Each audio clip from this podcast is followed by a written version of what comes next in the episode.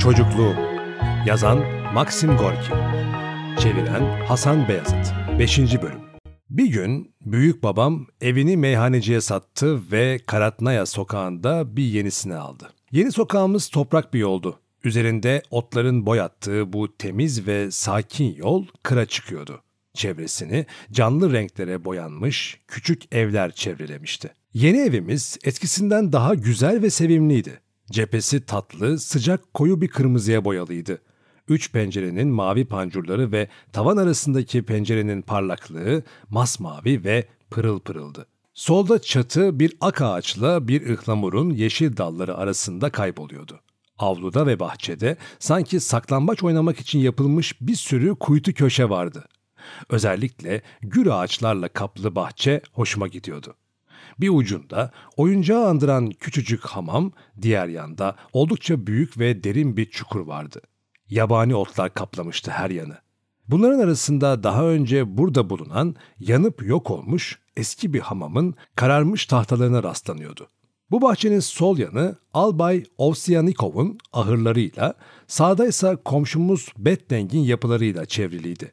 Ön taraf sütçü kadın Petrovna'nın mandırasına kadar uzanıyordu. Bu Petrovna kırmızı yüzlü, gürültücü, çana benzeyen iri yarı bir köylü kadınıydı. Karanlık ve zamanla iyice toprağın içine gömülmüş ihtiyar evi baştan aşağı yosunlarla kaplıydı. İki penceresi de derin hendeklerle parçalanmış tarlaya ve uzakta ormanın koyu maviliğine bakıyordu. Bütün gün bu tarlada askerler talim yapardı. Sonbahar güneşinin eğik ışıkları altında süngülerinden beyaz şimşeklerin yansıdığı görülürdü. Ev şimdiye kadar hiç rastlamadığım bir kalabalıktaydı. Ön bölümde Tatar kökenli bir subay, ufak tefek, toz toparlak karısıyla beraber yaşıyordu. Bu kadın sabahtan akşama kadar bağırır gülerdi. Yankılı ve tiz bir sesle, bazen zengin süslemelerle dolu gitarını da çalarak şarkılar söylerdi. Özellikle şu kışkırtıcı şarkıdan hoşlanırdı. Bir kadın aşk yapmaktan hoşlanmıyorsa bir başkasını aramalı. Onu bulmaya çalış ve becerirsen bulmayı alırsın armağanı, o tatlı armağanı. Kendi de bir top gibi yuvarlak olan subay çoğunlukla pencerenin önünde oturur, mor renkli yanaklarını şişirir, kızıla çalan gözlerini döndürürdü. Durup dinlenmek bilmeden piposunu içer, köpek avlamasını andıran bir şekilde öksürürdü. Uh, uh, uh. Bodrum'la ahırın üstündeki bölümde ise iki arabacı otururdu. Kır saçlı ve ufak tefek bir adam olan Piotr amca ve yeğeni, gürbüz bir delikanlı olan ve yüzü sanki madendenmiş gibi kırmızı bakır tepsiyi andıran dilsiz Stiopa. Onların yanında ayrıca uzun boylu emirleri Tatar Valey kalıyordu. Benim için hepsi yabancı ve bilmediğim çok yönleri olan insanlardı bunlar. Ama beni en çok kendine çeken ve bende ilgi uyandıran pansiyonerimiz iyi bir iş anlamına gelen Horosheo Delo olmuştu. Evin arkasında mutfağın yanında bir penceresi bahçeye, diğeri avluya bakan uzun bir odada kalıyordu. Zayıf ve kambur bir adamdı. Teni beyazdı. Siyah sakalı ortadan ayrık, gözlüklerinin ardında gözleri iyilik doluydu. Sessiz ve silik bir insandı. Onu yemeğe ya da çay içmeye çağırdıklarında herkesin de aynı karşılığı veriyordu. İyi bir iş. Onu bir süre sonra ninem hem de yüzüne karşı Horoşeo Delo diye çağırmaya başlamıştı. Lexey, çay hazır, koş Horoşeo Delo'yu çağır. Neden azalıyorsunuz Horoşeo Delo? Odası baştan aşağı kutularla ve içindeki harfleri tanıyamadığım kalın kalın kitaplarla doluydu. Her yanda türlü renklerde sıvılarla dolu şişeler, bakır ve demir parçaları ve kurşun çubukları vardı. Pas rengi bir deri ceket ve kareli gri bir pantolon giyer, sabahtan akşama kadar üstü başı boya içinde dolaşırdı. Saçı başı hemen her zaman dağınıktı ve pis kokardı. Kurşun eritir, bakır parçalarını birbirine lehimler, küçük terazisiyle bir şeyler tartar, bir yandan da homur homur homurdanırdı. Arada bir parmaklarını yakınca telaşla üflemeye başlardı. Bazen duvarda asılı şemaların yanına sağa sola takılarak yaklaşır, gözlüklerini takar, ince uzun ve tuhaf derecede beyaz burnunu sanki kağıdı koklayacakmış gibi yaklaştırarak uzun uzun incelerdi. Bazen odanın ortasında ya da pencerenin önünde birden durur, ve bu durumda hareketsiz ve sessiz yüzünü kaldırıp gözlerini yumarak uzun süre öyle kalırdı. Onu gözlemlemek için samanlığın çatısına çıkardım. Avlunun öteki ucundaki odasında açık pencereden kara silüetini ve masanın üstüne konmuş ispirto lambasının mavi alevini görürdüm. Hırpalanmış bir deftere bir şeyler karalarken gözlükleri buz gibi soğuk bir parıltı ve mavilikle ışıldardı. Bu büyücünün çalışmalarını çok merak ediyor ve saatler boyu onu gözlemek için damın üstünde kalıyordum. Bazen pencerenin önünde elleri arkasına bağlı durur ve bulunduğum dama gözlerini dikerdi. Ama beni görmediği bakışlarından belli olurdu. Buna çok içerliyordum. Sonra birden yine masasına doğru atılıyor ve iki büklüm olarak kağıtlarını karıştırmaya başlıyordu. Daha zengin ve daha iyi giyimli olsaydı ondan korkacağımı düşünüyorum. Ama yoksuldu. Ceketinin yakasının üstüne çıkan gömleği kirli ve buruşuk, pantolonu da lekeli ve yamalıydı. Eski terliklerin içinde ayakları çıplaktı. Yoksullar ne ürkütücüdür ne de tehlikeli. Ninemin onlara duyduğu acımadan ve büyük babamın onlara karşı hoşgörülü tutumlarından bu kanı yavaş yavaş bende yer etti. Evde hiç kimse Horoşaya Delo'yu sevmezdi. Onunla alay ederlerdi hep. Subayın şen şakrak karısı onu tebeşir burun diye çağırıyordu. Piotr amca eczacı ve büyücü, büyük babamsa ruh çağrıcısı ve farmason derlerdi ona. Ne iş yapar o diye sordum bir gün nineme. Bu seni ilgilendirmez. Sen her şeye karışma bakalım diye karşılık vermişti azarlayıcı bir sesle.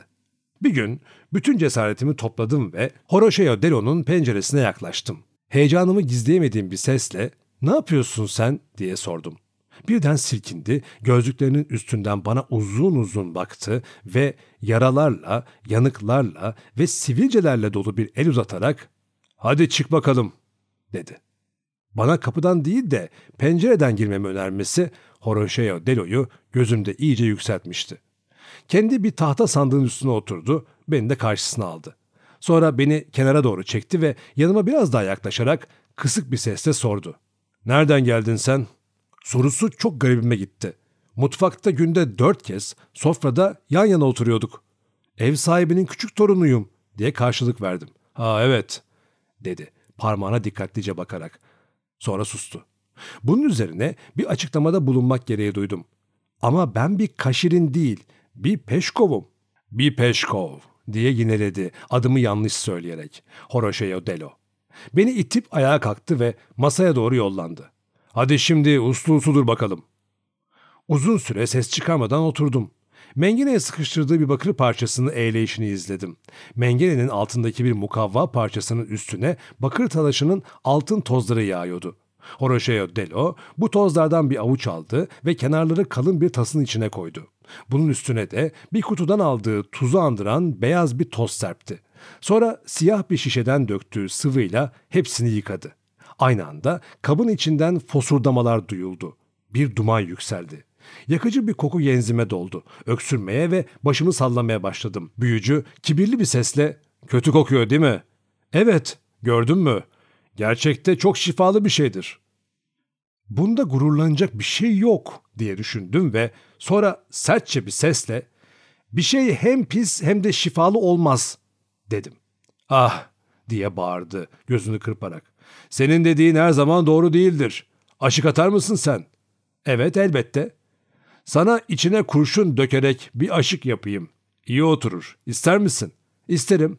Getir öyleyse kemiği. İçinden dumanlar çıkan kabı elinde tutarak yine yanıma yaklaştı. Bir gözüyle kaba bakarak ben sana kurşunlu bir aşık yapacağım ama buna karşılık sen de bir daha buraya gelmeyeceksin tamam mı? Bu önerisi beni çok incitmişti. Zaten bir daha gelecek değilim dedim. Sıkkın bir halde bahçeye yollandım. Orada büyük babamı elma ağaçlarının köklerini gübrelerken buldum. Mevsim sonbahardı ve yapraklar dökülmeye başlamıştı çoktandır. Şu ağaç çileğinin uzun dallarını kırpıver dedi bana bir makas uzatarak. Horoşeo Delo ne yapıyor diye sordum ona. Odayı berbat etmekten başka bir iş yaptığı yok diye yanıtladı büyük babam öfkeyle. Döşemeyi yaktı, kağıtları kirletti ve yırttı. Ona çıkıp gitmesini söyleyeceğim. İyi edersin diye onayladım ve ağaç çileğinin kuru dallarını kesmeye başladım. Ama erken konuştuğumu kısa bir süre sonra anladım. Yağmurlu akşamlar büyük babam çıkıp gittikten sonra ninem evin bütün kiracılarını mutfağa çay içmeye davet ederdi. Bu toplantılar epey ilginç olurdu. Arabacılar, emirleri, her zaman anlatacak çok şey olan Petrovna, hatta arada bir subayın neşeli ve şuh karısı da gelirdi. Horoşeo Delo'ya gelince o bir köşede ocağın dibinde hiç kımıldamadan ve sessiz dururdu. Dilsiz Tiyop'a Tatar Vale ile İskambil oynardı. Bazen Valey dilsizin iri burnuna kağıtları indirerek seni gidi şeytan diye söylenirdi. Piotr amca kocaman bir beyaz ekmek parçasıyla toprak çömlek içinde ağaç çileği çekirdeği reçeli getirirdi. Ekmeği dilim dilim kestikten sonra bunların üstüne bolca reçel sürer ve avcunun üstünde tuttuğu bu dilimleri odadakilere ikram ederdi. Ayrı ayrı herkesin önünde eğilir ve candan bir sesle ''Buyurun yiyin rica ederim'' derdi. Ekmeği verdikten sonra kara avucunu dikkatlice gözden geçirirdi. Üstüne akmış bir damla reçel görürse hemen yalardı. Petrovna, o kiraz likörü, subayın karısıysa fındık ve şeker getirirdi. Gerçek bir şölen olurdu. Ninemin en büyük eğlencesi buydu. Horacio Delo'nun bir daha kendini ziyaret etmemek için benimle yaptığı pazarlıktan birkaç gün sonra ninem yine böyle bir toplantı düzenledi. Dışarıda dinmek durmak bilmeyen bir sonbahar yağmuru yağıyordu. Rüzgar inliyor, ağaçlar hışırdıyor ve dalları evin duvarını kamçılıyordu. Mutfak sıcak ve rahattı. Birbirimize sokularak oturuyorduk. Ninem o akşam hepsi de birbirinden güzel öyküler anlatmaktan bıkıp usanmıyordu. Ayaklarını basamağa dayamış, ocağın kenarında oturmuştu. Bir teneke lambayla aydınlanan ziyaretçilerine doğru sesleniyordu. Neşesi tam oldu mu hep ocağa tırmanırdı. Yukarıdan anlatmam gerek. Böyle daha iyi anlatılıyor derdi. Ben de ocağın basamaklarından birine, onun ayakları dibine, Horacio Delo'nun da az çok başı hizasında bir yere oturmuştum. Ninem savaşçı Ivan'la keşiş Miro'nun güzel öyküsünü anlatıyordu. Sözleri canlı, ahenkli ve düzenli dalgalar halinde ağzından dökülüyordu. Bir zamanlar Gordion adlı kötü bir voyvoda varmış. Ruhu kara ve vicdanı taş gibiymiş. Adaleti yok eden ve insanlara işkence eden bir adammış. Bir ağacın kavuğunda yaşayan bir baykuş gibi kötülüğün içinde yaşarmış. Bu Gordion herkesten çok keşiş Milon'a kin duyarmış. Adaletin sessiz koruyucusu ve hiç çekinmeden iyilik yapan bu adama. Voyvoda sadık adamı cesur savaşçı Ivan'ı çağırmış. Ivan git kibirli ihtiyar Miron'u öldür. Onun başını kes ve sakalından tutup getir. Onu köpeklere atacağım. Ivan boyun eğip düşmüş yola. Yürüyor ve düşünüyormuş. Kendi arzumla gitmiyorum ama elimden ne gelir ki? Tanrı'nın bana verdiği kader bu. Keskin kılıcını paltosunun altına saklamış. Ermiş'in yanına varıp onu selamlamış. Nasıl? Sağlığın yerinde mi namuslu ihtiyar? Tanrı'nın lütfu üzerinde mi diye sormuş. Her şeyi bilen Ermiş gülümsemiş ve bilgelikle karşılık vermiş. Yalana ne gerek var Ivan? Tanrı her şeyi bilir. İyilikte, kötülükte onun elindedir. Senin neden geldiğini biliyorum. Ivan keşişi dinlerken utanmış ama Voyvoda'ya karşı gelmekten de çok korkmuş. Kılıcını deri paltosunun altından çıkarmış, keskin tarafını eteğiyle silmiş, kılıcımı göstermeden seni öldürmek istiyordum Milon demiş. Ama şimdi Tanrı'ya dua edebilirsin artık. Ona son duanı yapabilirsin. Hem kendin, hem benim ve hem de bütün insanlar için. Başını ondan sonra keserim. İhtiyar Milon diz çökmüş, körpe bir meşenin altına. Ama ağaç keşişin önünde eğilmiş. İhtiyar gülümseyerek konuşmuş. Dikkat et Ivan, bekleyişin uzun sürebilir.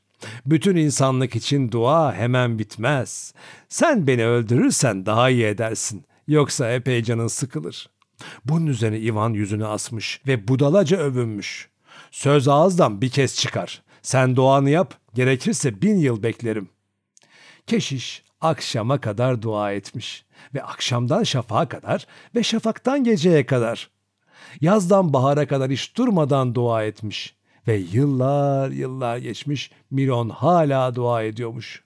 Genç meşe bulutlara kadar yükselmiş, palamutlarından gür bir orman fışkırmış da kutsal dua hala sona ermemiş. Şimdi bile hala o ikisi aynı yerdedir. İhtiyar insanların sefaretinden yakınıyormuş usulca Tanrı'ya. Tanrı'dan insanlara yardım etmesini istiyormuş ve kutsal bakireden insanlara neşe vermesini. Ve savaşçı Ivan onun yanı başında ayaktaymış. Kılıcı çoktan çürümüş. Demir namına ne varsa pas tutmuş. Güzel elbiseleri paramparça olmuş. Yaz, kış Ivan çıplak orada dururmuş. Sıcak onu yakıyormuş ama kavuramıyormuş. İrin kanını kemiriyormuş ama zehirleyemiyormuş. Kurtlar ve ayılar onu yemiyormuş. Kar fırtınaları ve donlar ona etki etmiyormuş. Onun oradan ayrılmaya gücü yokmuş. Ne de kolunu kaldıracak bir söz söyleyecek gücü. Onun cezası da buymuş. Kötü buyruklara boyun eğmemeli. Ne de başkalarının vicdanına sığınmalı. Ve Ermiş'in duası biz günahkarlar için şu saatte Tanrı'ya doğru gidiyor. Tıpkı ırmakların okyanusa akması gibi. Daha öyküsünün başında Horatio Delo'nun kaygılı bir durumda olduğunu ayırt etmiştim. Ellerini sinirli sinirli garip bir biçimde oynatıyordu. Gözlüklerini çıkarıp takıyor, ninenin sözlerinin ahengiyle sallıyordu. Başını sallıyor, gözlerine dokunuyor, parmaklarını göz kapaklarına bastırıyor ve ani bir hareketle sanki terini silmek ister gibi alnını ve yanaklarını eliyle sıvazlıyordu. Dinleyicilerden biri kımıldanır, öksürür ya da ayaklarını döşemeye sürterse Horatio Delo sert bir sesi çıkışıyordu. Sus! Ninem öyküsünü bitirince yerinden hızla doğruldu ve elini kolunu sallayıp ortada dönmeye başladı. Görüyorsunuz ya, çok ilginç diye mırıldanıyordu bir yandan. Bunu olduğu gibi yanlışsız yazmak gerek. Bu bütünüyle bize, Ruslara özgü bir şey ve acımasızca gerçek. Şimdi Ağladığı da belli oluyordu. Gözleri yaşlarla dolmuştu. Bu tuhaf olduğu kadar acıklı bir görüntüydü. Mutfağın ortasında gülünç ve beceriksizce zıplayarak bir aşağı bir yukarı dolaşıyordu. Tel saplarını umutsuzca kulak arkalarına geçirmeye uğraşarak gözlüklerini burnunun önünde oynatıp duruyordu. Piotr amca ona alaylı bir gülümsemeyle bakıyordu. Herkes sıkkın bir halde susuyordu. Ninem telaşlı bir sesle "Eğer istiyorsanız yazın." dedi. Bunda kötü bir şey yok. Buna benzer birçok öykü daha biliyorum. Hayır hayır. Beni ilgilendiren bu. Bu bütünüyle Rus yapısı bir şey diye bağırdı Horatio Delo heyecanla. Birden odanın ortasında durdu ve yüksek sesle konuşmaya başladı. Sağ kolu havayı yarmak ister gibi sallanıyor ve gözlükleri sol elinde titriyordu. Uzun süre hırslı ve tiz bir sesle konuştu. Ayağını yere vurarak yineliyordu. Başkasının vicdanıyla yaşanmaz. Hayır, hayır. Sonra birden sesi kısıldı, sustu, hepimizi süzdü. Sonra başını öne eğip sessizce suçlu gibi dışarı kaçtı. Mutfaktakiler sıkkın bakışlarla birbirlerini süzerek onunla alay etmeye başlamışlardı bile. Ninem karanlık bir köşeye çekilmiş, derin derin iç çekiyordu. İri kırmızı dudaklarını eliyle silerek Petrovna konuştu. Sanki öfkelenmiş gibiydi. Hayır diye karşılık verdi Piotr. Hep böyledir. Ninem ocağın tepesinden indi ve hiçbir şey söylemeden semaveri ısıtmaya başladı. Piotr amca telaşsız bir sese devam etti. Böyle adamların gariplikleri çoktur. Valey homurdanır gibi karşılık verdi. İnsan bekar olmaya görsün her şey yapar. Herkes gülmeye başladı ama Piotr amca devam ediyordu sözüne. Neredeyse hıçkıra hıçkıra ağlayacaktı. Belli ki zamanında gün görmüş bir insan ama şimdi durumu ortada. Sıkıldığımı duyumsadım. Yüreğimi hüzün doldurdu. Horatio Delo beni şaşkınlığa sürüklemişti. Yaşlarla dolu gözlerini tekrar görüyordum ve ona acıyordum. Geceyi dışarıda geçirdi ve ancak ertesi gün öğle yemeğinden sonra geldi. Giysileri buruş buruştu. Yatışmış ama ezgin bir hali vardı. Dün başınızı ağrıttım dedi nineme. Suç işlemiş bir çocuk gibi usul bir sesle. Bana darıldınız mı? Neden darılayım? Beni ilgilendirmeyen işlere burnumu soktum, çok konuştum. Kimseye kötü bir şey söylemediniz ki. Ninemin ondan korktuğunu duyumsuyordum. Konuşurken onun yüzüne bakmıyordu ve sesi alışılagelmişin aksine kısık çıkıyordu. Horatio Delo ona yaklaştı ve çarpıcı bir rahatlıkla ''Biliyorsunuz, korkunç yalnızım. Şu dünyada kimsem yok. İnsan susuyor, susuyor ama günün birinde ruhunda kaynayan ateş taşıyor. Böyle anlarda bir taşla ya da bir ağaçla bile konuşur insan. Ninem geri çekildi. Sizi evlendirmeli. Ah! diye bağırdı yüzünü acıyla buruşturarak. Umutsuzluk anlatan bir el işareti yapıp dışarı çıktı. Ninem kaşlarını çatıp gözleriyle onu izledi. Sonra enfesinden bir tutam alıp sert bir sesle bana çıkıştı. Onun çevresine dönüp durma. Duyuyor musun? Kim bilir nasıl bir herif bu. Ama ben Horoşeo Delo'yu artık daha çok merak etmeye başladım. Korkunç yalnızım derken yüzünün aldığı heyecanlı ifadeyi ayırt etmiştim. Bu sözler içimde yankılanıyor ve kalbime işliyordu. Horoşeo Delo'yu aramaya çıktım. Avludan penceresine bir göz attım. Odası boştu ve her çeşit gereksiz, sahipleri kadar gereksiz ve garip eşyanın aceleyle ve gelişi güzel atıldığı bir yüklüğe benziyordu. Bahçeye doğru indim ve onu orada buldum. Yarı yanmış bir kalasın üstünde rahatsız bir şekilde iki büklüm oturmuş, dirsekleri dizlerinin üstünde ve elleri ensesinde kenetliydi. Bu kalas toprağın içine gömülüydü ve yalnız kömürleşmiş ve parlayan ucu seyrek pelin, ısırgan ve dul avrat otu yapraklarının arasında yükseliyordu. Onu böyle bir rahatsız durumda oturur görmek benim ilgimi bir kat daha arttırdı. Uzun zaman varlığımın ayırdına varmadı. Baykuş gözleri uzakta bir noktaya dikilmişti. Birden sıkkın bir sesle sordu. Beni mi arıyordun? Hayır. Ne istiyorsun öyleyse? Hiç dolaşıyorum. Gözlüklerini çıkardı, kırmızı ve siyah lekelerle kaplı mendiliyle onları sildi ve bana dönüp ''Yanıma gel bari'' dedi. Yanına oturduğumda beni omuzlarımdan tutup kendine doğru çekti. ''Hiç kımıldama. Hiç konuşmadan böyle oturacağız. İster misin? Söylesene. İnatçı mısın sen? Evet. Horoşeo Delo. Uzun süre sessiz oturduk. Akşam durgun ve tatlıydı. Doğanın her saat yoksullaşmasının ve binbir renge bürünmesinin açıkça görüldüğü koca karı yazının hüzünlü akşamlarından biriydi. Toprak artık yazın doyurucu kokularını yitirmiş, soğuk nem kokuyordu. Hava olağanüstü berrak ve kırmızı gökte alaca kargaların telaşlı uçuşları insanın yüreğine hüzünlü düşünceler sokuyordu. Her şey sessizdi. En ufak bir gürültü, bir kuşun kıpırdanışı ya da düşen bir yaprak garip bir şekilde yankılanıyor, insanı ürkütüyordu. Ama sonra yine sessizlik ve hareketsizlik başlıyordu. Bütün dünyayı saran sessizlik içimize de doluyordu. Böyle anlarda en arı, en ince düşünceler doğar insanın içinde. Ama bunlar tıpkı bir örümcek ağının iplikleri gibi öylesine ince, saydamdırlar ki bunları sözcüklerle ifade etmenin olanağı yoktur. Kayan yıldızlar gibi bir an parlar, sonra silinir gider. Tatlı ve heyecan verici bu düşünceler insanın ruhunu belirsiz bir özlem ve hüzünle doldurur, yakar. Ruh, kaynayan ve eriyen bir maden gibi kesin biçimini alır gerçek yüzü insanın böyle oluşur. Horacio Delo'nun sıcak göğsüne sokulmuş onunla birlikte elma ağaçlarının kara dalları arasından kırmızı göğü izliyordum. Keten kuşlarının telaşlı kanat çırpışlarını izliyordum gözlerimle ve sakaların deve dikenlerinin kurumuş başlarını acı tohumlarını çıkarmak için gagalamalarına bakıyordum.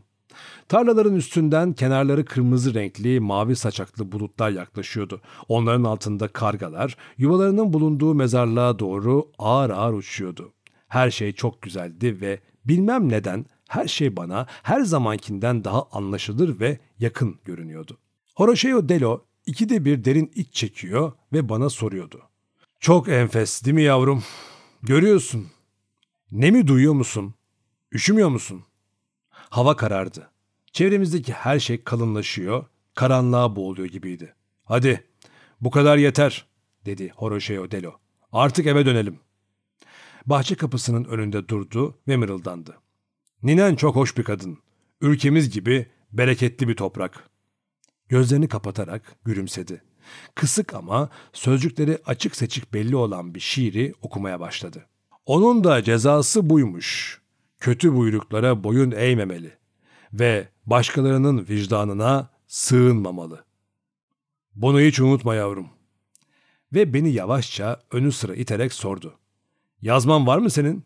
Hayır. Öyleyse öğrenmen gerek. Ve öğrenir öğrenmez ninenin sana anlattıklarını yaz. Bunlar senin çok işine yarar.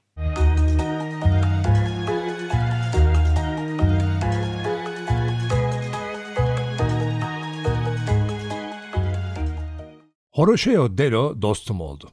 O günden sonra canım istediğinde yanına gitmeye başladım. Paçavralarla dolu bir tahta sandığın üstüne çıkıp oturuyor ve çalışırken onu izliyordum. Kurşun eritiyor, bakır ısıtıyordu. Kızdırdığı demir parçaları bir örsün üstünde sapı hoşuma giden hafif bir çekişle dövüyordu. Ayrıca içlerinde bir rendeden, boy boy eğeden, kıl gibi ince testerelerden ve zımpara kağıtlardan da yararlanıyordu. Çok duyarlı, bakır bir teraziyle durmadan tartıyordu. Çeşit çeşit sıvıları kalın kenarlı beyaz kaplara dolduruyor ve bunlardan odayı keskin ve yakıcı bir kokuyla dolduran dumanın çıkışını izleyerek yüzünü buruşturuyordu. Gözlerini kısıp koca bir kitabın sayfalarını karıştırıyor, kırmızı dudaklarını ısırarak bir şeyler mırıldanıyor ya da kısık ve boğuk bir sesle ''Ey Saron gülü'' diye bir şarkı tutturuyordu. ''Ne yapıyorsun?'' ''Bir şeyler yapıyorum oğlum.''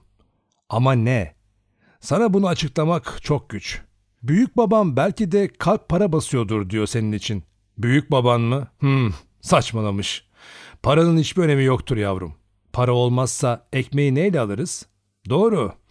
Gerçekten ekmeğin parasını vermek gerek, haklısın. Görüyorsun. Ya eti neyle alacağız? Eti de parayla alabiliriz, doğru. Yavaşça gülmeye başladı. Gülüşü beni şaşkınlığa düşürecek kadar sevimliydi. Sanki küçük bir kediymişim gibi kulaklarımın arkasını gıdıklayarak ''Seninle de tartışmanın olanağı yok dostum.'' dedi. ''Herkesin de sözümü ağzıma tıkıyorsun. En iyisi susalım.''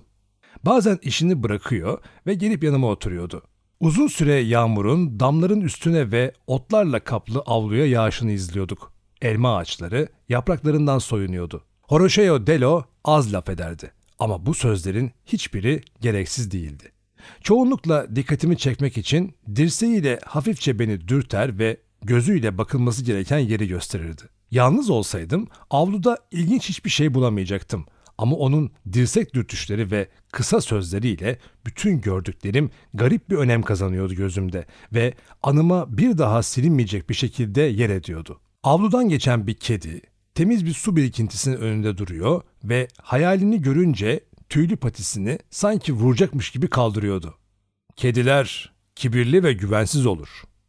Altın sarısı tüyleri olan horozumuz Mamay, bahçe parmaklığının üstüne tünemiş kanat çırpıyordu. Düşer gibi olunca öfkelendi ve boynunu uzatarak ötmeye başladı. General çok heybetli ama akıldan yana yoksul. Valey, ihtiyar bir at gibi ağır adımlarla beceriksizce çamurun içinde yürüyordu.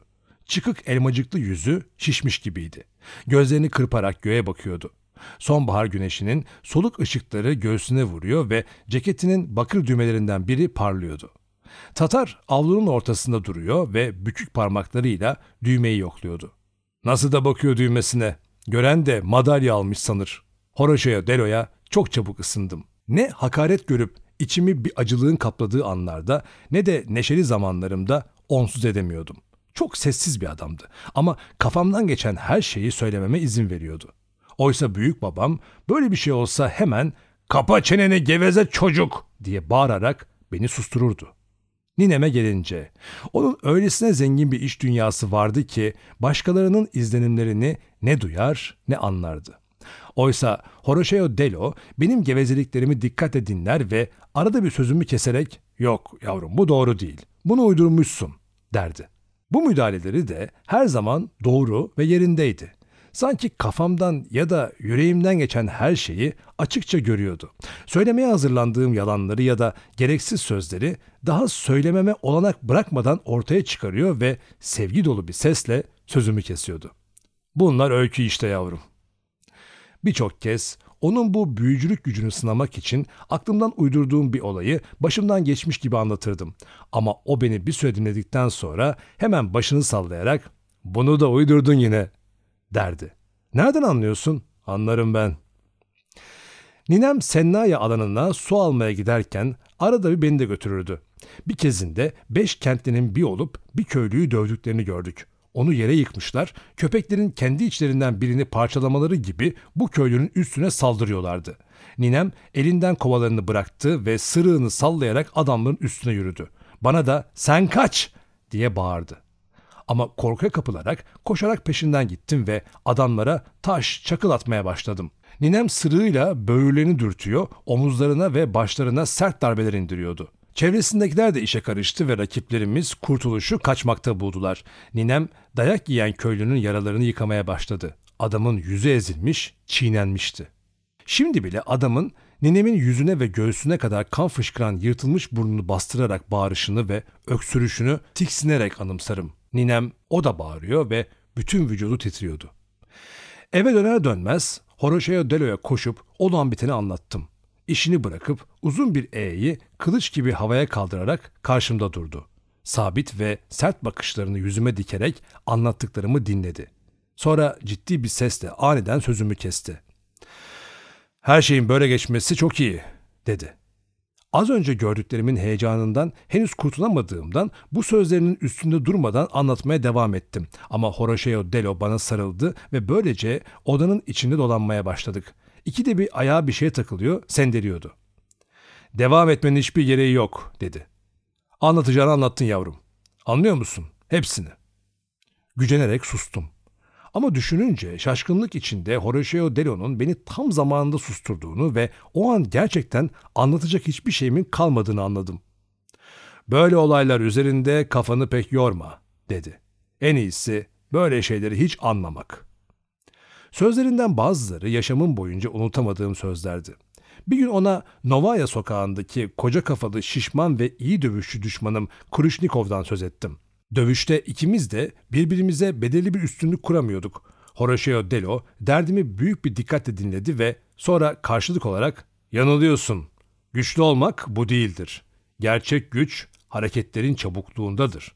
İnsan ne kadar hızlı olursa o kadar güçlüdür. Anlıyor musun? Ertesi pazar günü yaptığımız dövüşte yumruklarımı daha hızlı salladım ve Krishnikov'u kolaylıkla alt ettim. Bu olay Horacio Delo'nun sözlerini daha büyük bir dikkatle dinlememe yol açtı. İnsan yaşamda ne istediğini bilmeli, anlıyor musun? Zor olan budur yalnızca. Bunlardan bir şey anlamamıştım ama hiç ayırdığında olmadan bu sözleri aklımda yer ediyordu. Bunun nedeni de yanılığının içinde anlaşılmazlığı yüzünden insanı öfkelendiren gizli bir yön bulunmasıydı. Benim düşünceme göre bir taş, bir parça ekmek, bir fincan, bir çekiç almak için bilgi sahibi olmaya hiç de gereksinim yoktu. Evde Horacio Delo'ya karşı duyulan düşmanlık gün geçtikçe artıyordu. Neşeli kiracımızın herkese uysal olan ve kendisini okşatan kedisi Horacio Delo'nun dizlerine hiç tırmanmıyor, en tatlı sesiyle çağırsa bile yanına gitmiyordu. Böyle davranışları yüzünden kediyi cezalandırmak için dövüyor, kulaklarını çekiyor ve dostumdan korkmaması için ona yalvar yakar oluyordum. Giysilerim asit kokuyor. Bu yüzden kedi yanıma yanaşmıyor, diyordu Horacio Delo.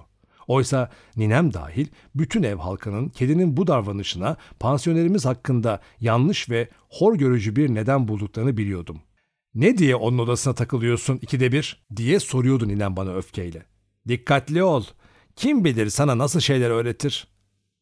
Şu sarı tilki, ihtiyar büyük babam da onun yanına gittiğim günler bana dayak atardı. Tabii Horacio Delo'ya kendini ziyaret etmemi yasakladıklarını söylemiyordum. Ama evde onun hakkında neler düşünüldüğünü bütün ayrıntılarıyla anlatıyordum. Ninem senden korkuyor. Senin bir büyücü olduğunu söylüyor. Büyük babamsa senin bir tanrı düşmanı ve toplum için bir tehlike olduğunu sanıyor. Sanki sinekleri kovar gibi başını sallıyordu. Yavaşça kızaran tebeşir gibi beyaz yüzünü bir gülümseme aydınlatıyordu. Yüreğimi daraltıyordu bu gülümseme ve Yaşlar doluyordu gözüme. Ayırdığındayım diyordu duyulmaz bir sesle. Üzücü değil mi? Evet üzücü yavrum. Sonunda ondan kurtulmayı başardılar. Bir gün sabah kahvaltısından sonra odasına gitmiştim. Baktım yere çökmüş, dudaklarında Soran Gülü şarkısıyla eşyalarını sandıkların içine yerleştiriyor. Artık veda zamanı geldi yavrum. Gidiyorum. Neden? Uzun uzun yüzüme baktı. Bilmiyor musun? Annen için bu odaya gereksinimleri varmış. Kim dedi bunu sana? Büyük baban. Yalancının biridir o. Horacio Delo beni elimden tuttu ve kendine doğru çekti. Yere yanına oturunca tatlı bir sesle sakın kızma dedi. Senin her şeyden haberdar olduğunu ve bana söylemediğini sanmıştım. Bu yüzden seni ayıplamıştım bile. Hüzünlüydüm ve nedenini bilmeden kızıyordum ona. Dinle dedi gülümseyerek. Anımsıyor musun? Bana gelmemeni söylemiştim sana. Başımla evet işareti yaptım. Bu seni gücendirmişti değil mi? Evet. Ama ben küçüğüm, seni gücendirmek istemiyordum. Görüyorsun sen de ya, ikimiz dost olursak sana kızacaklarını biliyordum. Hakkı değil miymişim? Sana o sözleri neden söylediğimi şimdi anlıyorsun. Bir çocuk gibi sanki benim yaşımdaymışım gibi konuşuyordu ve sözleri yüreğime sonsuz bir sevinç dolduruyordu. Bana öyle geldi ki bunun anlattığı gibi olduğunu çok uzun süredir hatta baştan bile biliyordum. Bunu daha önce anlamıştım dedim ona. Gördün mü? İşte böyle yavrum. İşte böyle sevgili küçüğüm. Dayanılmaz bir hüzün yüreğimi boğdu. Neden hiç kimse sevmiyor seni burada? Bana sarılıp göğsüne bastırdı ve gözlerini kırpıştırarak karşılık verdi. Ben bu evde bir yabancıyım anlıyor musun? Bu yüzden. Ben onlar gibi değilim. Ne diyeceğimi, duygularımı nasıl ifade edeceğimi bilemiyor, kolundan çekip duruyordum. Sakın kızma diye yineledi ve kulağıma eğilip usul bir sesle ekledi. Hele ağlamaya falan kalkışma. Oysa buğulanmış gözlük camlarının altından gözyaşları süzülüyordu bile.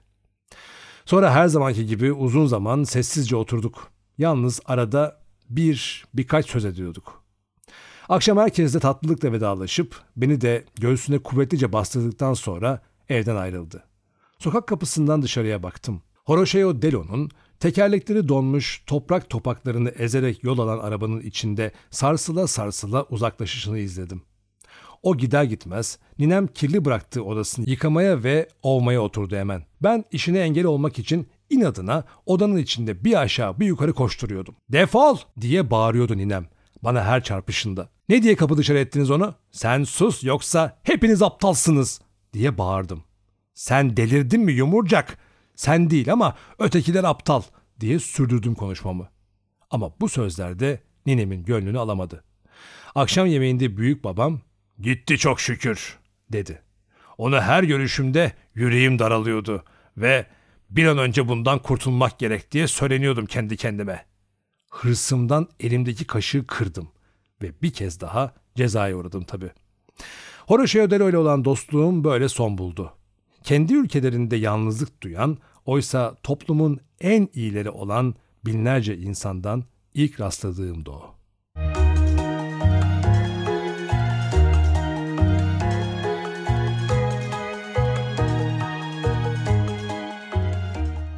Çocukluğumda kendimi neşeli ya da karamsar, çeşitli insanların arılar gibi deneyimlerinin ve yaşama bakış açılarının balını getirdikleri bir kovana benzetirdim. Her biri elinden geldiğince ruhumu zenginleştirirdi. Çoğunlukla bu bal saf ve tatlı olmazdı ama ne önemi vardı bunun? Ne de olsa yine baldır. Horoşeo Delo'nun gidişinden sonra Piotr amcayla arkadaş olmuştuk. Büyük babam gibi kuru, titiz ve düzenli bir insandı. Fakat ondan daha kısa boylu, daha ufak tefekti. Şaka olsun diye büyük adam elbisesi giymiş bir çocuğu andırıyordu. Kırışıklıklarla örülmüş yüzü bende bir kalbur izlenimi uyandırıyordu. Bu örgüler arasında akları sarıya çalan iki canlı ve neşeli göz kafeslerinde sağa sola zıplayan kanaryalar gibiydi. Kır saçları kıvırcık, sakalı lüle lüleydi. Çubuğunu içerken saçları gibi gri dumanlar kıvır kıvır yükselirdi. Konuşması da kolay anlaşılmazdı ve sık sık atasözleri kullanırdı.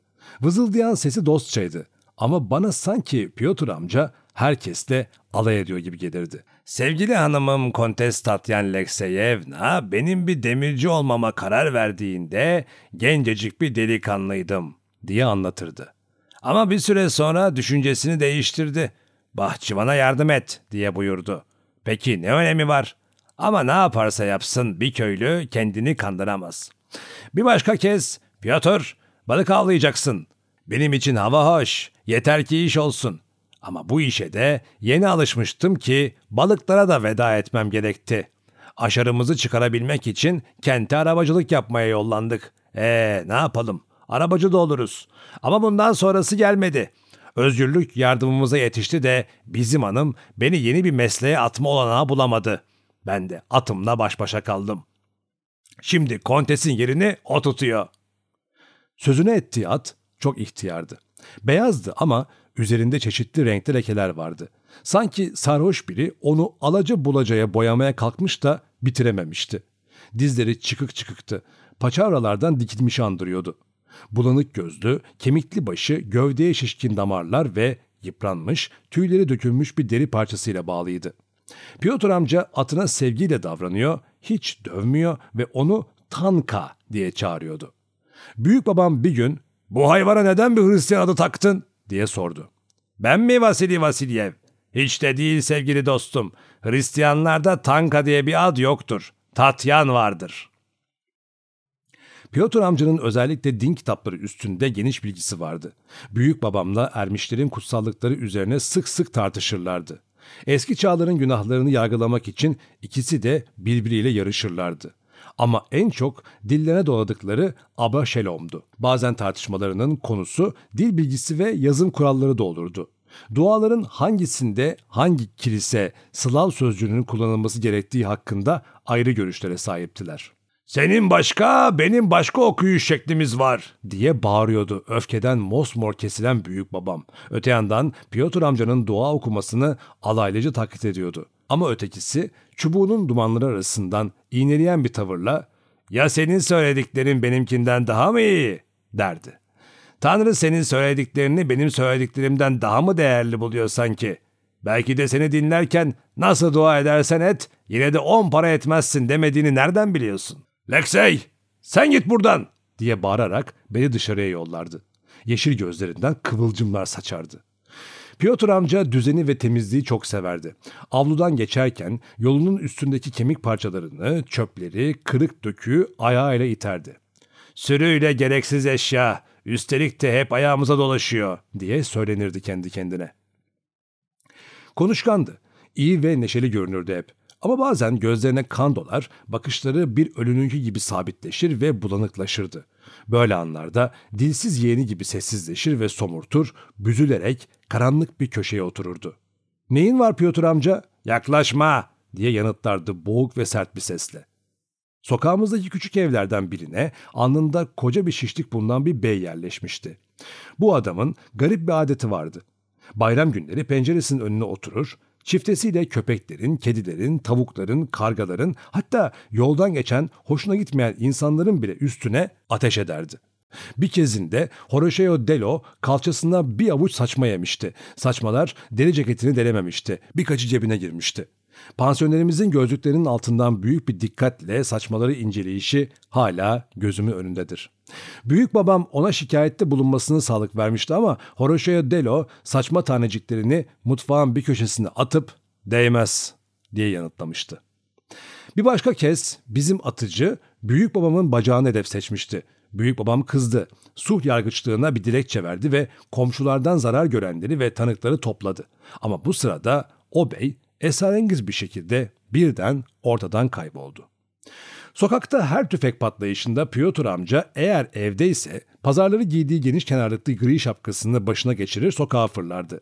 Dışarı çıkar çıkmaz da ellerini arkada kaftanının altında bağlayarak göbeğini öne doğru çıkarır veya kaldırımda bir aşağı bir yukarı dolaşmaya başlardı. Kaftanın eteği bir horoz kuyruğu gibi havaya kalkardı. Nişancının önünden geçer, tekrar geri döner, sonra gezintisine yine kaldığı yerden başlardı. Bütün ev halkı kapımızın önünde onu izlerdik. Pencereden subayın mora çalan yüzüyle karısının sarı saçlı başı uzanırdı. Benenklerin avlusundan da dışarı çıkanlar olurdu. Yalnız Ovsyannikovların gri evi hareketsizliğini hiç bozmaz, oradan kimse çıkmazdı. Bazen Piotr amcanın bu gezintileri hiçbir işe yaramazdı. Hiç kuşkusuz avcı onu saçma harcamaya değmez bir av olarak görüyordu. Ama arada bir ard arda iki patlama sesi duyulurdu. Pam pam! Piotr amca telaşlanmadan yanımıza gelir ve keyifli bir sesle ceketimin eteğini vurdu derdi. Ama bir kezinde saçmalar omzunu ve boynunu buldu. Bir iğneyle saçmaları çıkarırken ninem onu azarlıyordu. Ne diye bu yabaniyi tahrik ediyorsun? Ya gözünü çıkarsaydı? Hiç korkma sen diye karşılık verirdi Piotr amca sesini uzata uzata ve kibirli bir havayla. Bunu yapamaz Avlina Ivanovna. Kör nişancının biri o.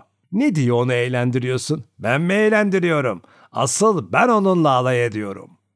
Sonra çıkarılan saçmaları avcunun içine alıp seyrederken kör nişancının biri o diye yineledi. Bir zamanlar bizim Kontes Tatyan Lekseyevna'nın yanında ödevi kocalık olan Mamont İlyich adında bir subay vardı. Ödevi kocalık diye bir deyim kullanıyorum çünkü bizim kontes hizmetçi değiştirir gibi koca değiştirirdi. İşte bu kocası Mamont İlyich iyi bir nişancıydı. Hem o bunun gibi saçma değil. Kurşun atardı nine. Aptal İgnaşka'yı 40 adım kadar uzağına bir yere yerleştirir, beline bir şişe bağlar, bunu ayrık bacaklarının arasından sarkıtırdı. Aptal bacaklarını açar gülerdi. Ne olacağını bilmezdi ki. Mamont İlyich iyice nişan alır ve bir atışta şişeyi paramparça ederdi. Ama yine böyle bir nişan gösterisi sırasında aptal İgnaşka'yı sanırım bir eşek arası soktuğundan kımıldadı ve kurşunu tam dizine, diz kapağının ortasına yedi. Doktoru çağırdılar, ayağını kestiler ve kesik ayağı da toprağa gömdüler. İş böyle kapandı. Ya İgnaşka ne oldu? Ne olacak? Bir aptalın ne kola ne bacağı gereksinimi vardır. O aptallığıyla karnını doyurur. Herkes aptalları sever çünkü onların kimseye zararı dokunmaz. Aptal katibin de papazın da kimseye zararı yoktur. Demezler mi? Bu tür öyküler ninemi hiç şaşırtmıyordu. O bunlardan düzenelerce biliyordu. Ama ben bunları dinlerken için için ürperiyor, ikide bir Piotr amcaya bir bey gerçekten bir insanı öldürebilir mi? Neden olmasın öldürebilir elbette. Beyler birbirlerini bile öldürebilirler. Bir gün Tatyan Lekseyevna'ya gelen bir atlı mamotla kavgaya tutuşmuştu. Hemen tabancalarını alıp parka koştular. Ve orada gölün kıyısındaki yolda atlı Mamont'a ateş edip tam karaciğerine bir kurşun yerleştirdi. Mamont mezarlığı boyladı. Atlıyı da Kafkasya'ya sürgün ettiler. Ya işte böyle. Aralarında da kapışır onlar. Ama köylülere ya da başkalarına nasıl davrandıklarını ne sen sor ne ben söyleyeyim. Artık insanlar onların malı olmaktan çıktığı için öldürünce de acımazlar. Eskiden ne de olsa kendi malıdır diye kıyıp da öldüremezlerdi. O zamanlar pek de acıdıkları yoktu, dedi ninem. Piotr amca onayladı. Doğru. Kendi malı da olsa değeri çok düşüktü insanların onun gözünde. Piotr amca bana karşı çok tatlı davranırdı. Benimle büyük insanlarla konuştuğundan daha içten bir sesle ve bakışlarını kaçırmadan konuşurdu. Buna karşın onda hoşuma gitmeyen bir yön vardı. Piotr amca herkese sevdiği reçelden verirken en çok benim ekmeğimin üstüne sürerdi. Bana kentten pandispanyalar ve şekerler getirirdi. Benimle her zaman ciddi ama usul bir sesle konuşurdu. Ee, büyüyünce ne olacaksın bakalım bayım? Asker mi yoksa memur mu? Asker. İyi. Şimdi askerlerin yaşamları kolay. Papazlık da fena değil bak. İkide bir Tanrım bize acı diye bağırmaktan başka yapacak bir işi yok. Bu iş askerlikten bile daha kolay. Ama bence en iyisi balıkçılık. Öğrenecek hiçbir iş yok. Bir parça elin alışsın yeter. Sonra neşeli el hareketleriyle balığın yeme nasıl yaklaştığını, oltanın titremelerini ve iğneyi yutan balığı taklit ediyordu. Bazen de beni avutmak için ''Büyük baban seni dövdüğünde memnun olmuyorsun.'' derdi bana. Ama kızmakta haksızsın.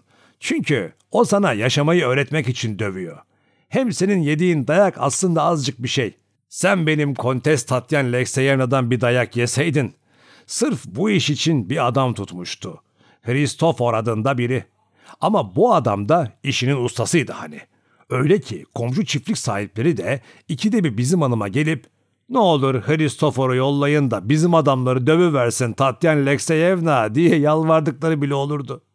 O da onların ricalarını kırmaz Hristofor'u yollardı. Hanımefendinin beyaz tül bir elbise giyip ve başına gök mavisi bir atkı bağlayıp sütunlu taraçada kırmızı bir koltuğa oturarak Hristofor'un kadın ve erkek köylüleri dövüşünü nasıl izlediğini anlatırdı. Hiçbir ayrıntıyı atlamadan. Bu Hristofor denilen adam aslen Riyazanlıydı ama bir çingeneyi de Hohol'u da andırıyordu. Kulaklarına kadar çıkan bıyıkları ve sakalını sık tıraş etmekten masmavi bir yüzü vardı. Gerçekten mi aptal yoksa kendini rahat bırakmaları için aptal taklidimi yaptığını bir türlü anlayamamıştım. Çoğunlukla mutfakta oturur, bir fincana su doldurur, bir sinek, bir hamam böceği ya da buna benzer bir böceği yakalayıp içinde bir çöp parçasıyla yavaş yavaş boğardı. Boynunda yakaladığı bitleri de bunun içinde boğardı. Aynı türde büyüklerin anlattığı bir yığın öykü biliyordum. Bütün bu öykülerin tek bir ortak yanı vardı. Hepsinde de insanlara eziyet ediliyor, horgörüyle davranılıyor ya da hakaret ediliyordu. Artık bıkmıştım bunlardan. Dinlemek istemiyordum. Bir gün arabacıya bana artık başka bir şey anlat dedim. Yüzünün kırışıklıkları ağzına doğru toplandı, sonra gözlerine doğru çıktı yine. Ama isteğimi kırmadı. Peki, madem hiç hoşnut olmuyorsun sana bir başka öykü anlatayım. Bizim bir aşçımız vardı. Biz dediğin kim? Nerede? Kontes Tatyan Lekseyerna'nın evinde. Ne diye ona Tatyan diyorsun? Erkek mi o? Piotr amca küçük bir kahkaha attı. Hayır bir kadın da elbette ama küçük bıyıkları vardı. Siyah bıyıkları. Esmer bir Alman kadınıydı Kontes. Onlar Araplara benzer. İşte bu kadının bir aşçısı vardı. Çok gülünç bir öyküdür bu bak dinle. Bu gülünç öykü şöyleydi. Aşçı bir böreği bozuk yapmış ve ceza olarak hepsini bir oturuşta yemişti ve ardından hastalanmıştı. Sinirlenmiştim. Hiç de gülünç değil. Peki gülünç dediğin nedir senin söyle bakalım. Bilmiyorum. Öyleyse kapa çeneni. Sonra bir örümceğin durup dinlenmek bilmeden ağını örmesi gibi o da bu sıkıcı öykülerini anlatmaya devam etti. Bazen bayram günleri dayı oğullarım Mihail'in oğlu hüzünlü ve kederli Saşa ile Yakob'un oğlu her şeyi bilen ve ukala diğer Saşa ziyaretimize gelirlerdi. Bir gün üçümüz yapıların çatısında dolaşırken Betlenklerin avlusunda içi kürklü, yeşil redingot giymiş bir bey gördük. Duvarın dibindeki odun yığınının üstüne oturmuş küçük köpeklerle oynuyordu. Başı açıktı. Sarı ve dazlak kafası görünüyordu. Kuzenlerimden biri bu köpek yavrularından birini çalmayı önerdi ve hemen ustacı bir hırsızlık planı tasarladık.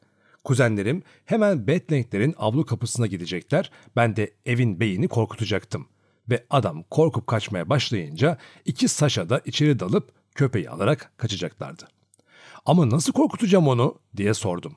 Kuzenlerimden biri başına tükür dedi.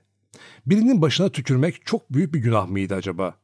Ben bile birçok kez insanlara daha büyük kötülük yapıldığını duymuştum. Bu yüzden üstlendiğim görevi hiç çekinmeden yerine getirdim. Bunun ardından büyük bir şamata koptu. Tam bir rezalet oldu. Yakışıklı ve genç bir subayın komutasında kadınlardan ve erkeklerden oluşan bir ordu Betlenklerin avlusundan dışarı fırlayıp bizim avluya doluştu. Bu sırada kuzenlerim sanki benim yaptıklarımdan hiç haberleri yokmuş gibi sokakta uslu uslu gezindikleri için sopayı yalnız ben yedim büyük babamdan. Bu gördüğüm cezadan Betlenklerin ev halkı da çok memnun oldu. Dayaktan sonra ocağın peykesinde uzanmış yatarken Piotr amca beni görmek için yanıma tırmandı. Pazar elbiselerini giymişti ve neşeli bir hali vardı. ''Çok iyi ettin dostum'' diye fısıldadı. ''Bu kart tenekenin tam hak ettiği şeydi bu. Onun cinsinden bütün insanların tepesine tükürmeli. Hatta çürümüş başlarına taş bile atmalı.'' Beyin yuvarlak, köşesiz ve çocuğumsu yüzü hala gözlerimin önündeydi.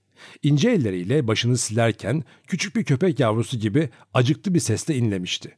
Bu anıyla dayanılmaz bir utanç duyuyordum ve yine yeğenlerime ilenmeye başlıyordum. Ama arabacının kırışık yüzüne bakarken duyduğum öfke hepsini bastırdı. Yüzünde beni kamçılarken büyük babamın takındığı kadar korkunç ve tiksinti verici bir ifade vardı. Defol! Diye bağırdım ayaklarımla ve ellerimle onu iterek. Alaylıca gözünü kırptı ve peykeden aşağı indi.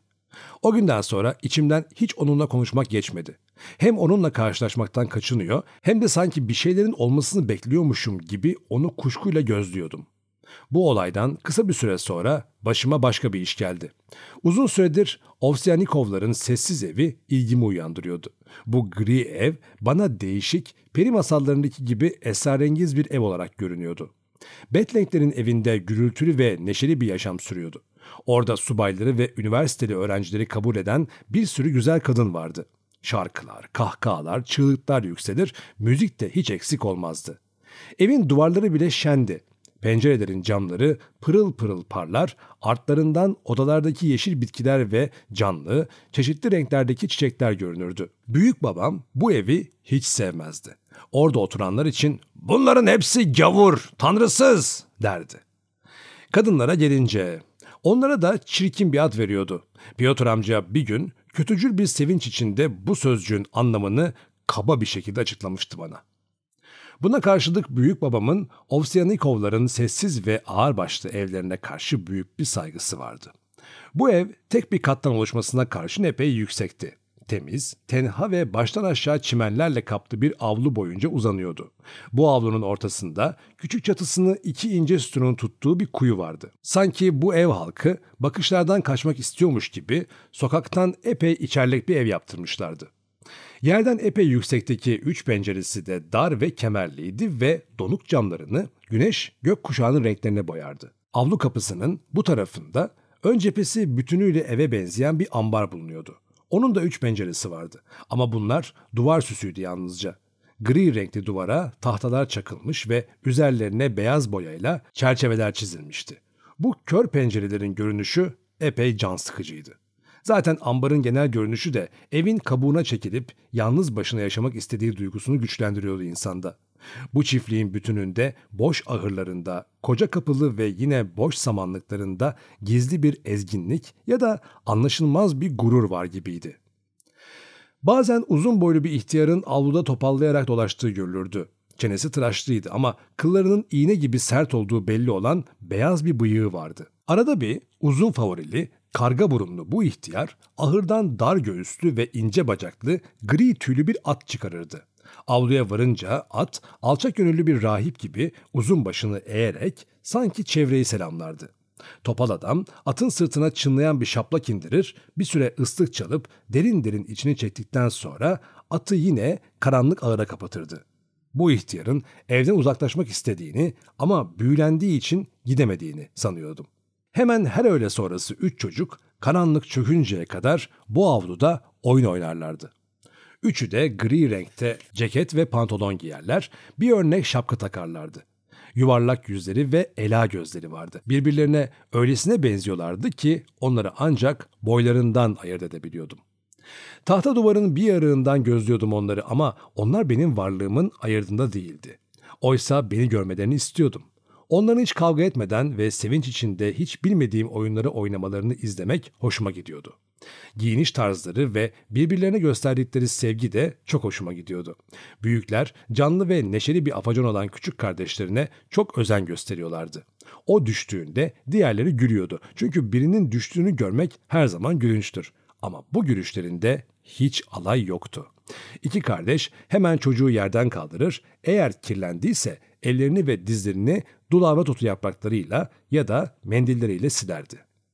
Dili biraz pertek olan ortanca çocuk tatlı bir sesle ne kadar da beceriksizsin derdi. Hiç kavga etmiyor, birbirlerini aldatmaya kalkışmıyorlardı.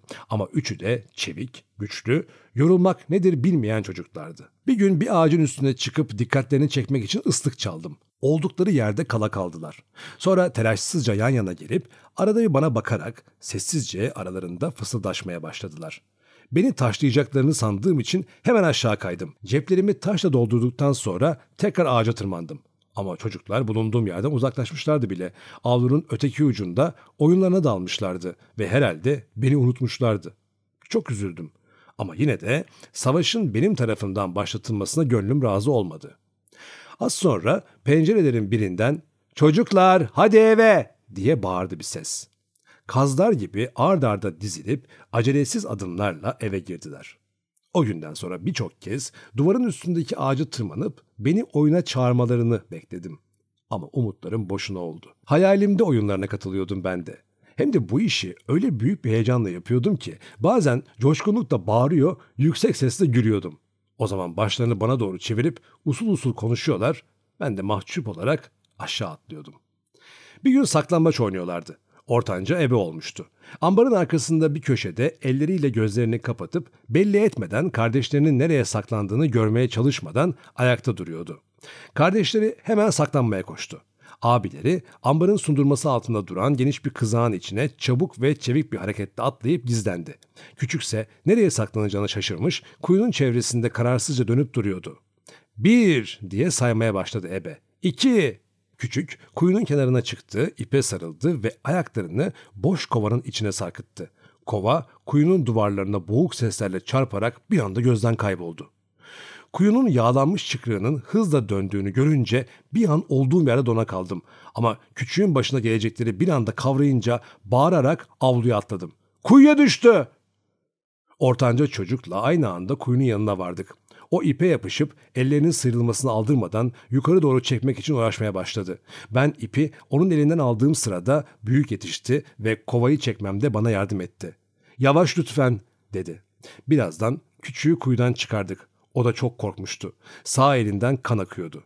Yanağı sıyrılmıştı. Beline kadar sırılsıklamdı ve yüzü morarmıştı. Gözlerini koca koca açıp ve tir tir titrerken bile hala gülümsüyor ve sözcükleri uzatarak ''Nasıl da düştüm?'' diyordu.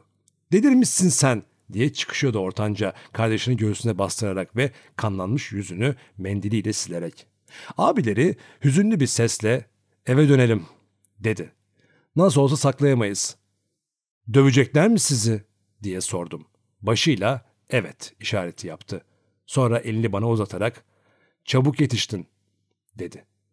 Bu övgü beni gururlandırdı ama daha elini sıkmaya zaman bulamadan o yüzünü kardeşine dönmüştü bile.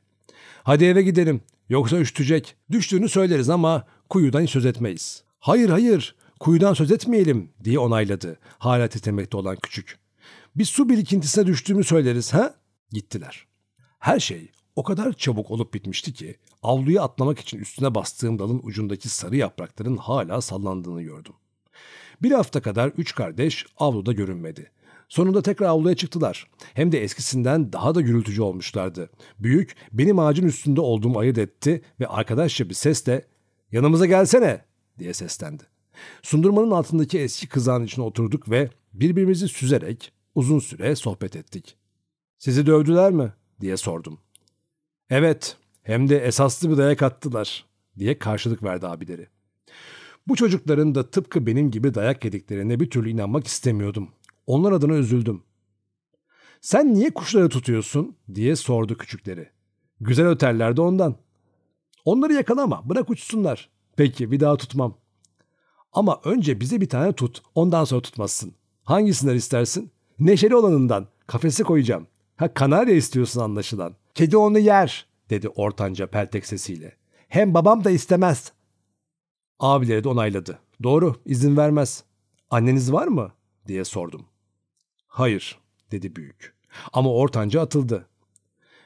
Bir tane var ama o başka, asıl annemiz değil. Asıl annemiz yok, öldü. Başka anneye analık denir, dedim. Büyük başıyla onayladı. Evet. Ve üçü de düşünceli ve hüzünlü bir sessizliğe gömüldüler. Büyük babamın anlattığı öykülerden analığın nasıl bir şey olduğunu öğrenmiştim ve çocukların bu kederli durumlarını anlıyordum. Birbirlerine sokulmuş, üç civciv gibiydiler. Hileyle gerçek ananın yerini alan büyücü analığın masalını anımsadım ve onlara anneniz gelecektir göreceksiniz diye söz verdim. Büyük omuzlarını kaldırdı. Bu olanaksız çünkü annemiz öldü. Olanaksız mı? Aman tanrım. Ölüler hatta parça parça edilmiş insanlar bile üstlerine kutsal su serpildiğinde dirilmemişler miydi? Çoğunlukla ölümler büyücülerin lanetiyle olduğundan gerçek ölümler olmadıkları bilinmiyor muydu? Onlara büyük bir heyecanla ninemin öykülerini anlatmaya başladım. Abileri önce gülümseyerek anlattıklarımı dinledi. Sonra usul bir sesle ''Biz bunların hepsini biliyoruz. Bunların hepsi masaldır.'' Kardeşleri sessizce dinliyordu.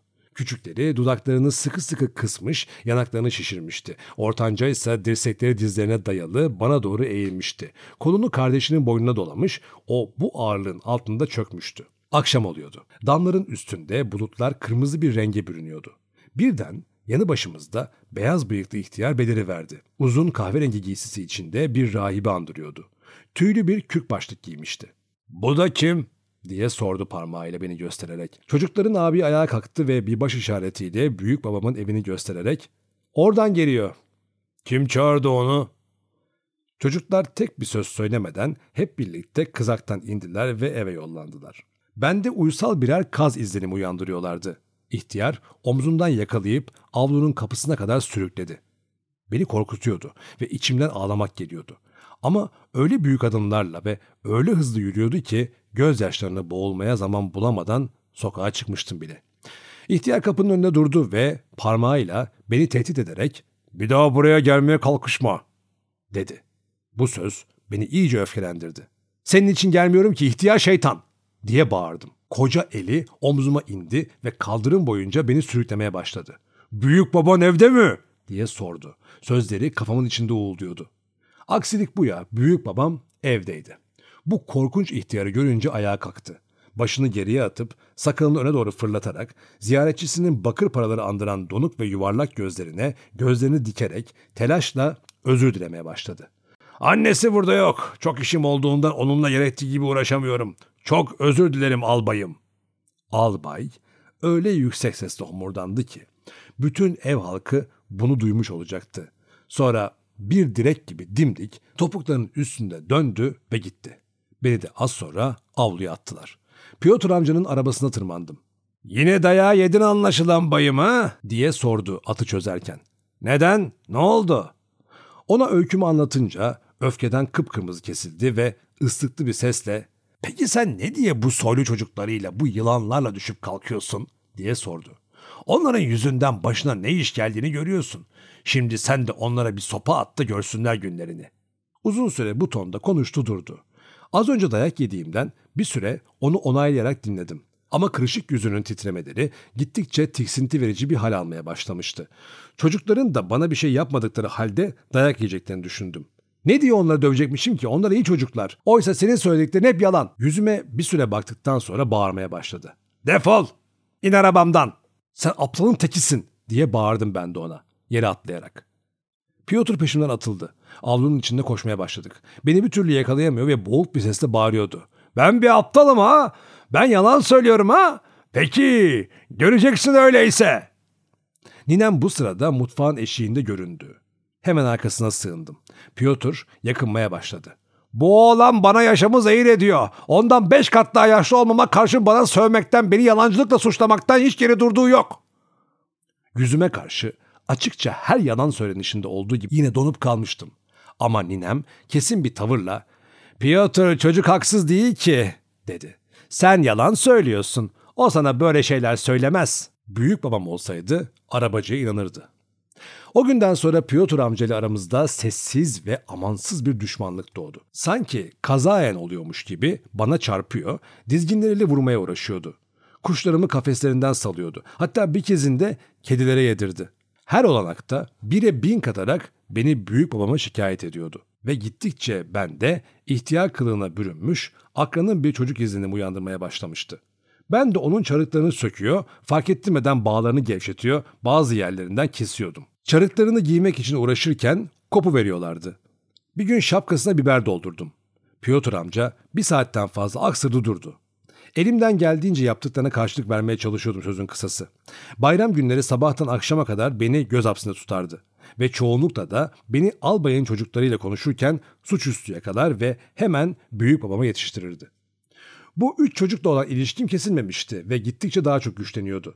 Bizim evin duvarlarıyla Ovsiyanikovların çiti arasında bir kara ağaç, bir mürver, bir de ıhlamur ağacı vardı. Bu ağaçların korunağındaki yerde çifte yarım daire büyüklüğünde bir daire açmıştım. Ya tek tek ya da ikişer kişer kardeşler oraya sokulur ya çömelerek ya da diz çökerek kısık bir sesle konuşurduk.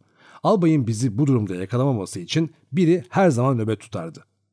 Bana sıkıcı yaşantılarından söz ederlerdi ve bu öyküler beni kederlendirirdi.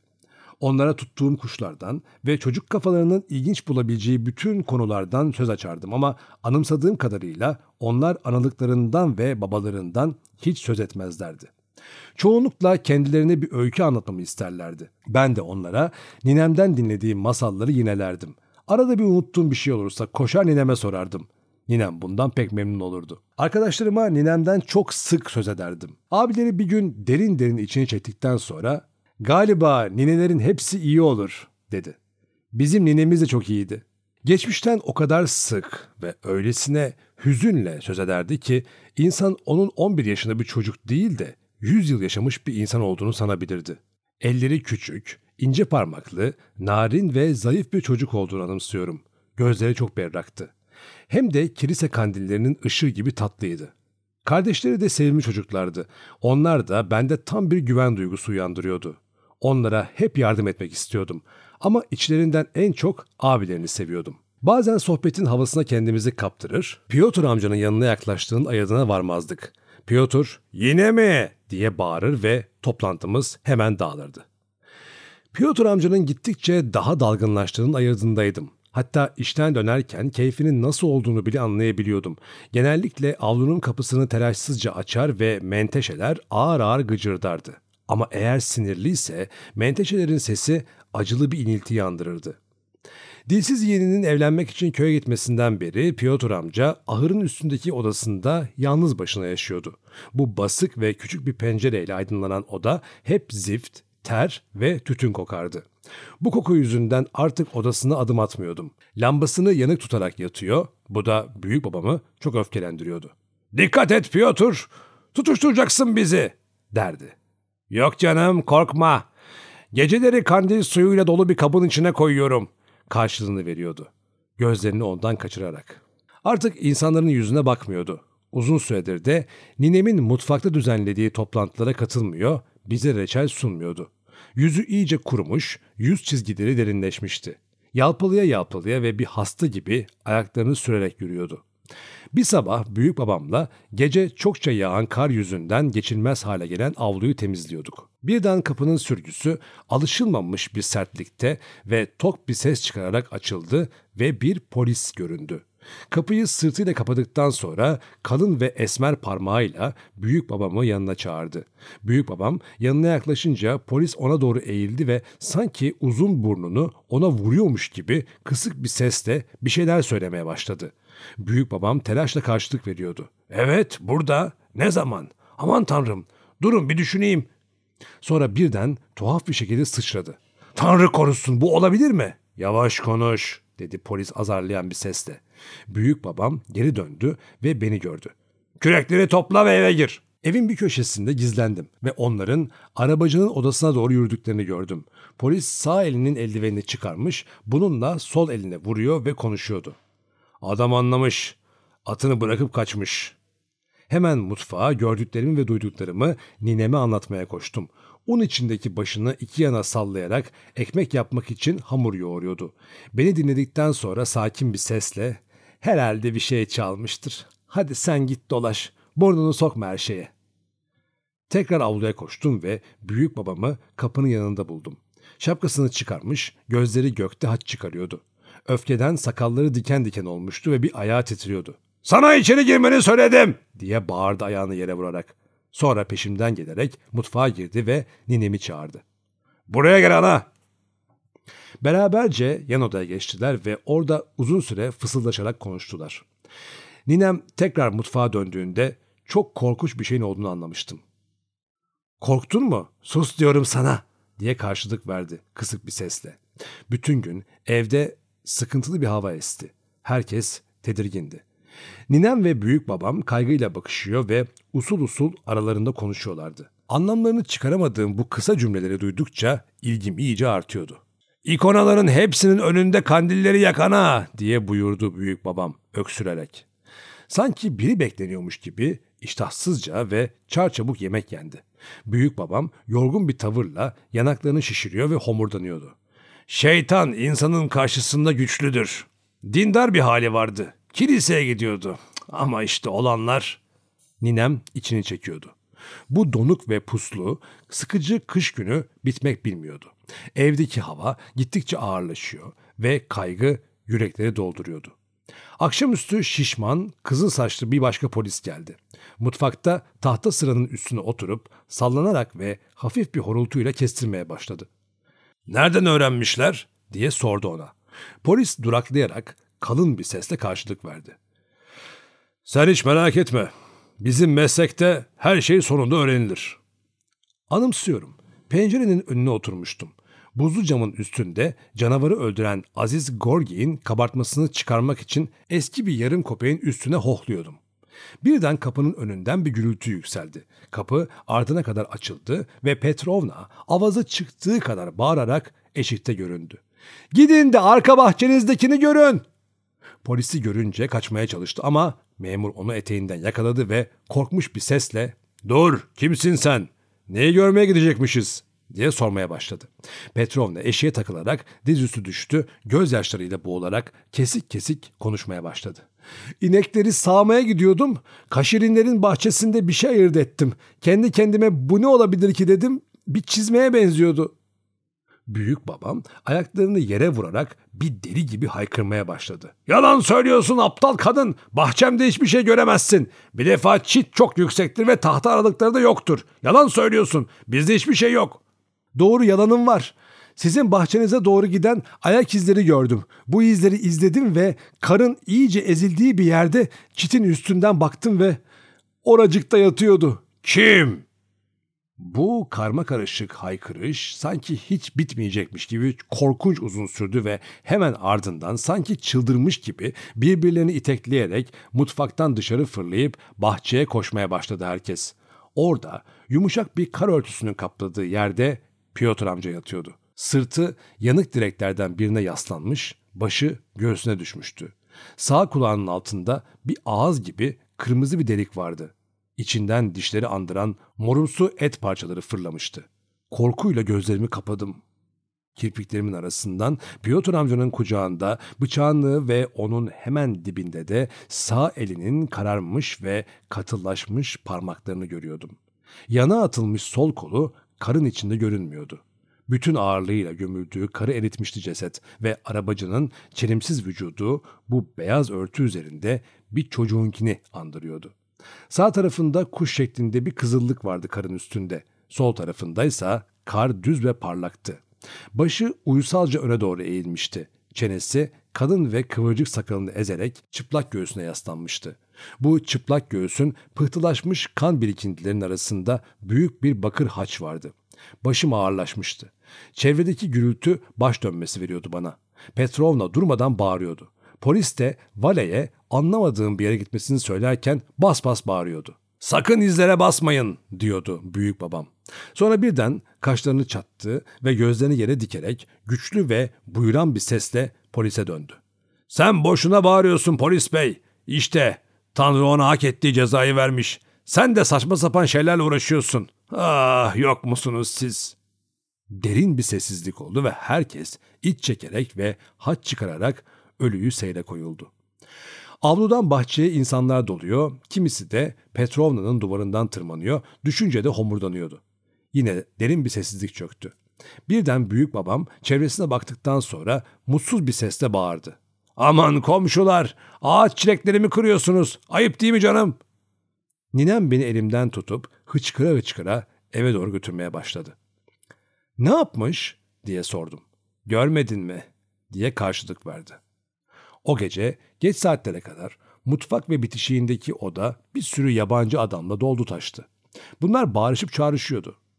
Polisler buyruk veriyor, diyakoza benzeyen biri evdekileri sorguya çektikten sonra karga gibi Rusça nasıl anlamına gelen kak kak diye bağırıyordu. Mutfakta ninem çay sunuyordu herkese. Yüz yuvarlak, çopur yüzlü, uzun bıyıklı bir adam masanın başına oturmuş ve gıcırdayan bir sesle anlatıyordu. Gerçek adını bilen yok. Yalnız yaratmalı olduğu öğrenilmiş. Dilsiz yeğeni de aslında dilsiz filan değilmiş. Her şeyi kendi ağzıyla itiraf etmiş. Üçüncüsü de bir üçüncü ortakları varmış. O da itiraf etmiş. Uzun süredir kiliseleri yağma ediyorlarmış. En büyük hünerleri buymuş. Aman tanrım diye içine çekti Petrovna. Kıpkırmızı bir yüzde ve terden sırılsıklam. Ocağın peykesine uzanmış aşağıya bakıyordum. Bana bodur, şişko ve korkunç görünüyordu hepsi de.